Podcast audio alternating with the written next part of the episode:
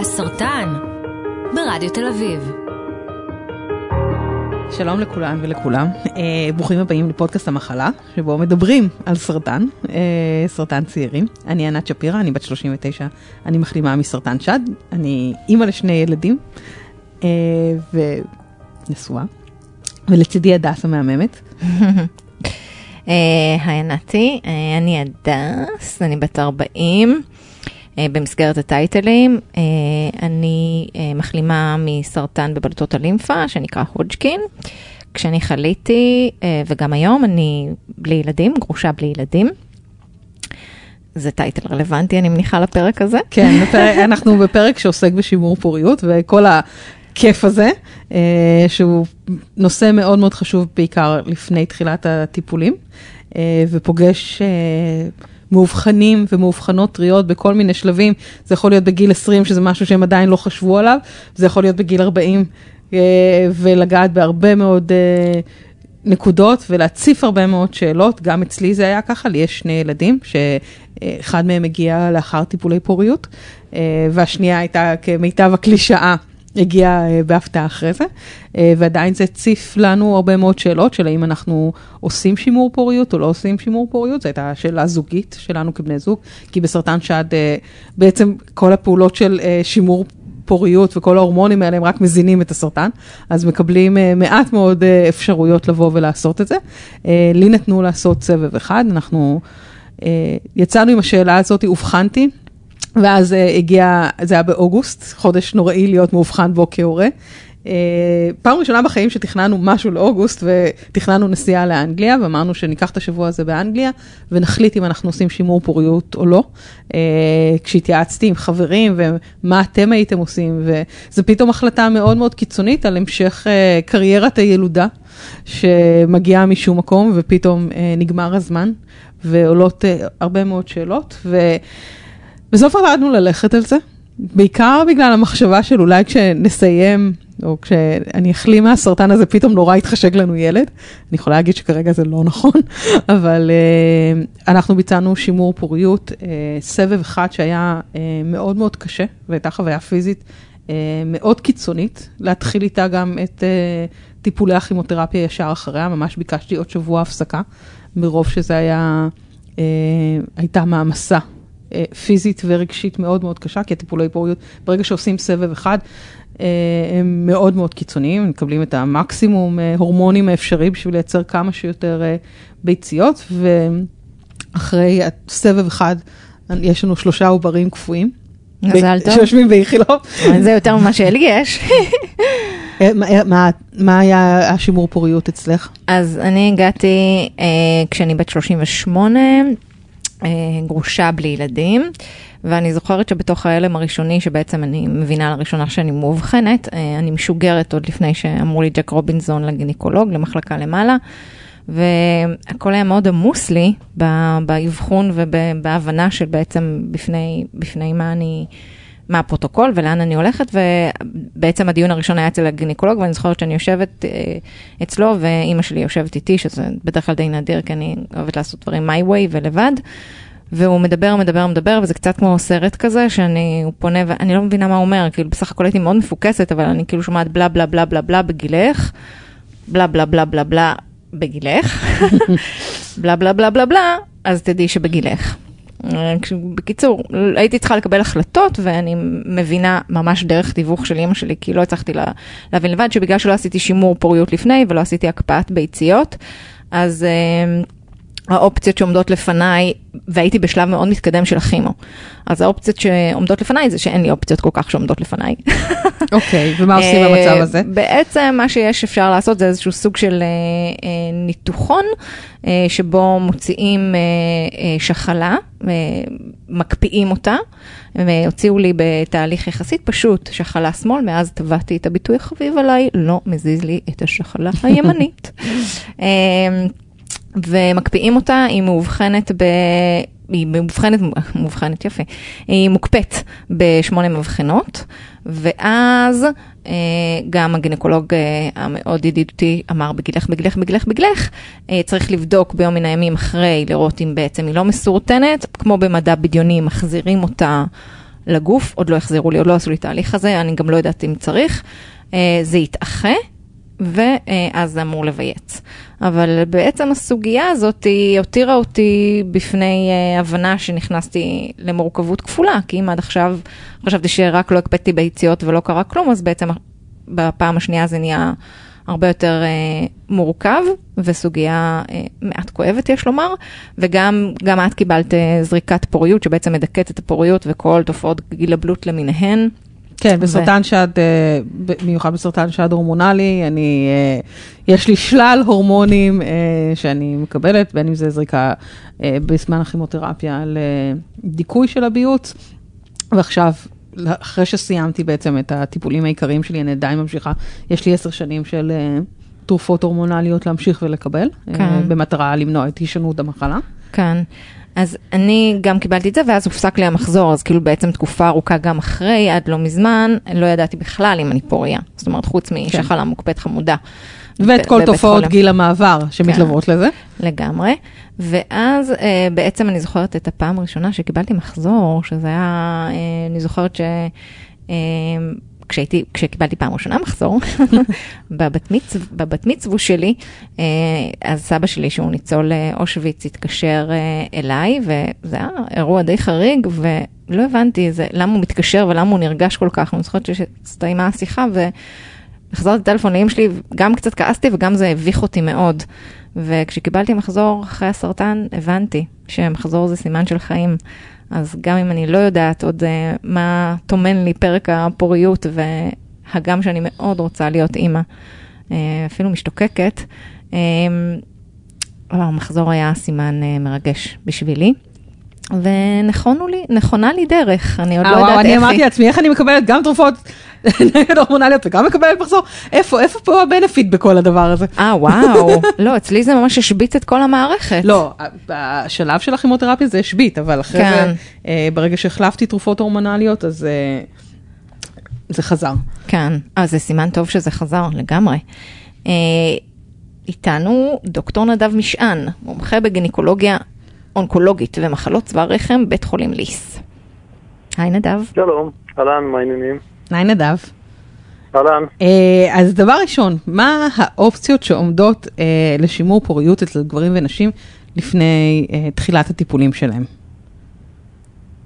הדס עברה, ש...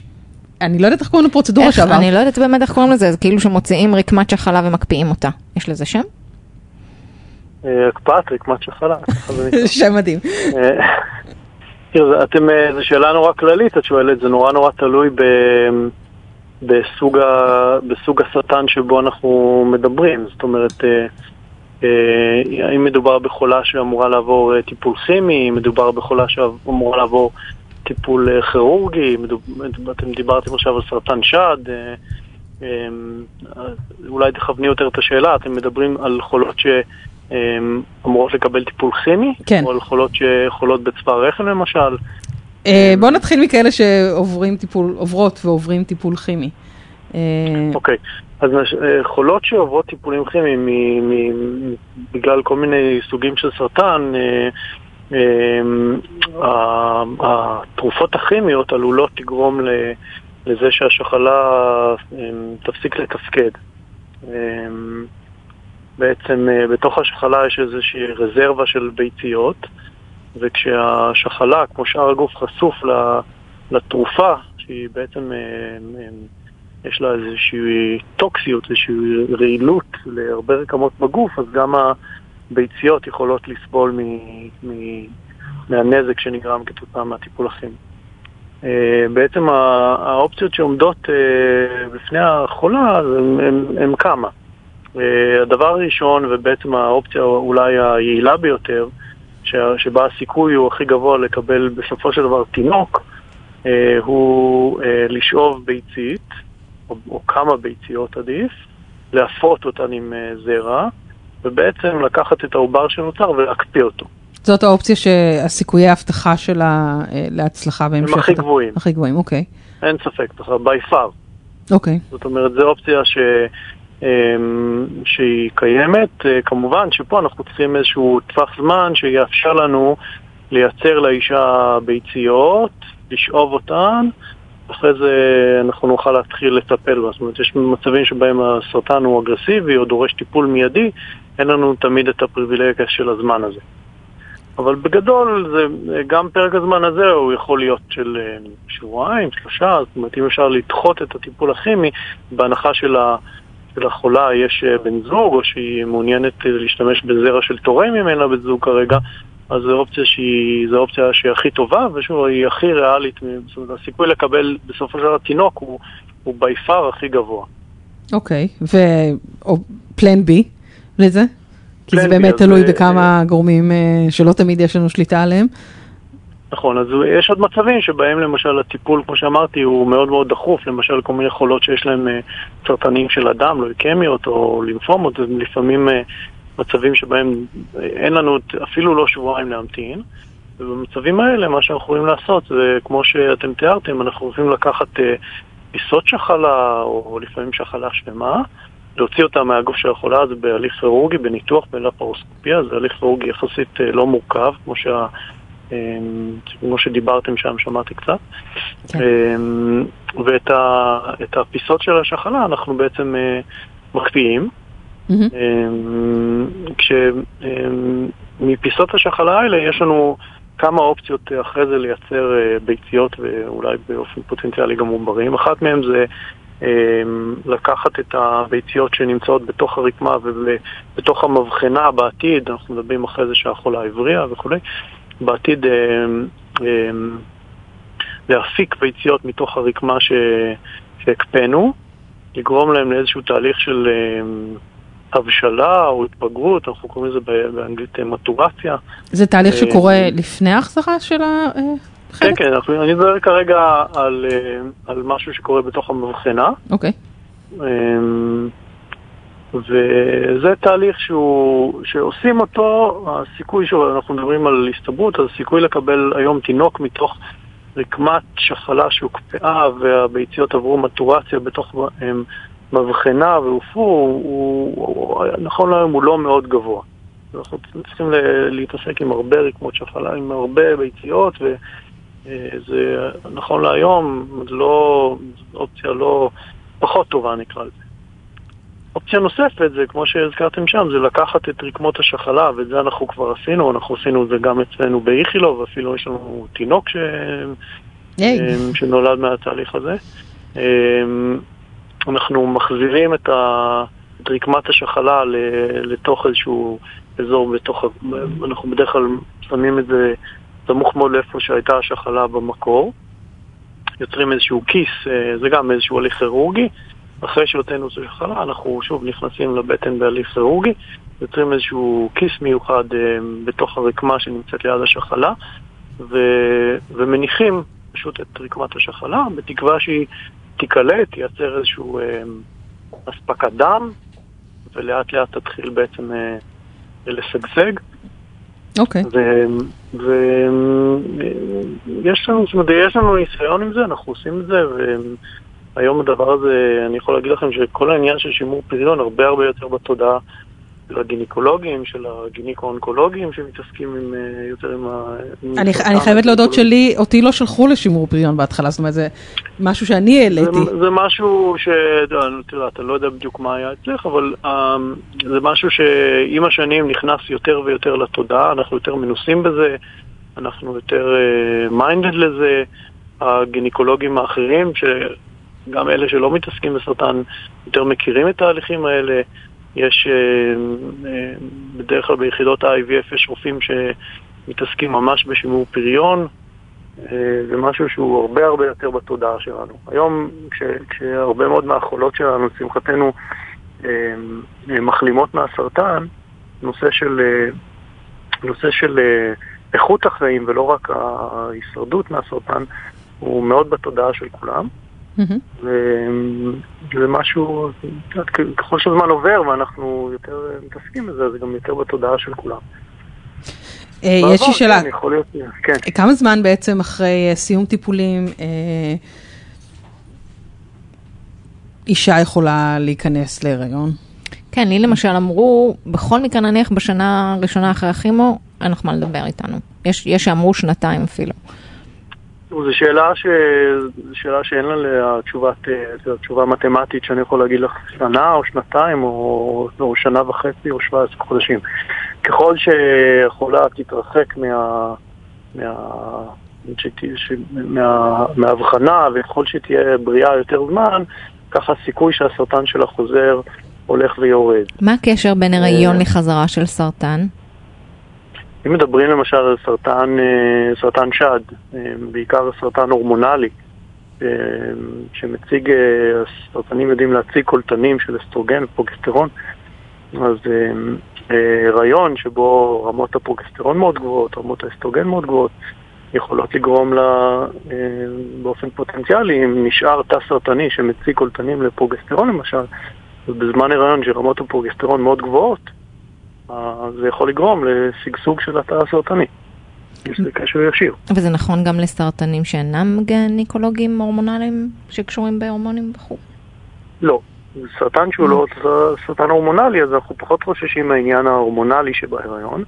אנחנו צריכים אבל לוודא שהחולה באמת בריאה. אם אני, לצורך העניין, יעזור לחולה להיכנס להיריון אה, חצי שנה אחרי שהיא החלימה מהסרטן ועדיין נמצאת באיזשהו סיכון מסוים שהסרטן יחזור, אז זה יכניס אותנו קצת לדילמה אחרי שאם אנחנו נגלה באמצע ההיריון שהיא, שהיא שוב חולה בסרטן.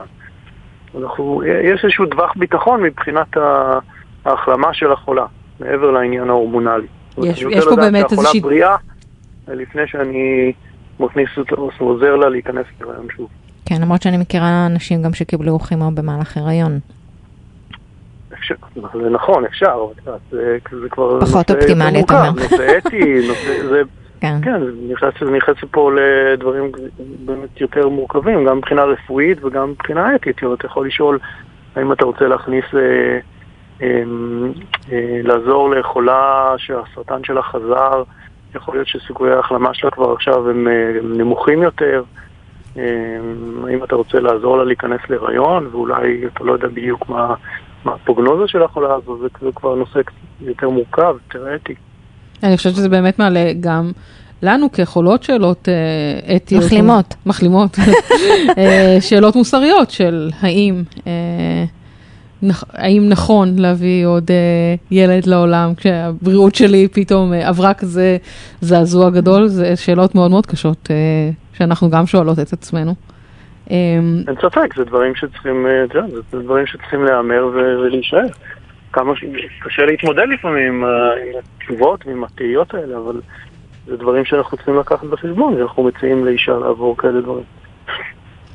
אוקיי, okay, דוקטור אה, משען, המון המון תודה על כל המידע שחלקת איתנו. בשמחה רבה. תודה רבה. ערב טוב. ואני אגיד בנימה אישית, כי אני עוד uh, ממש רוצה להיות אימא, שאני שומעת, אני מבינה שיש uh, מקום uh, למדע, ואני בדרכי אהיה אימא. אהיה אימא. את תהיי. ואז את תתעצבני עליהם ותרצי שהם, ברור, ואז אני רק תרצי שהם ישנו ו... נגיד אלוהים, מה ביקשתי? נו באמת. תודה. אני חושבת שיש מקום להרבה הרבה תקווה ו...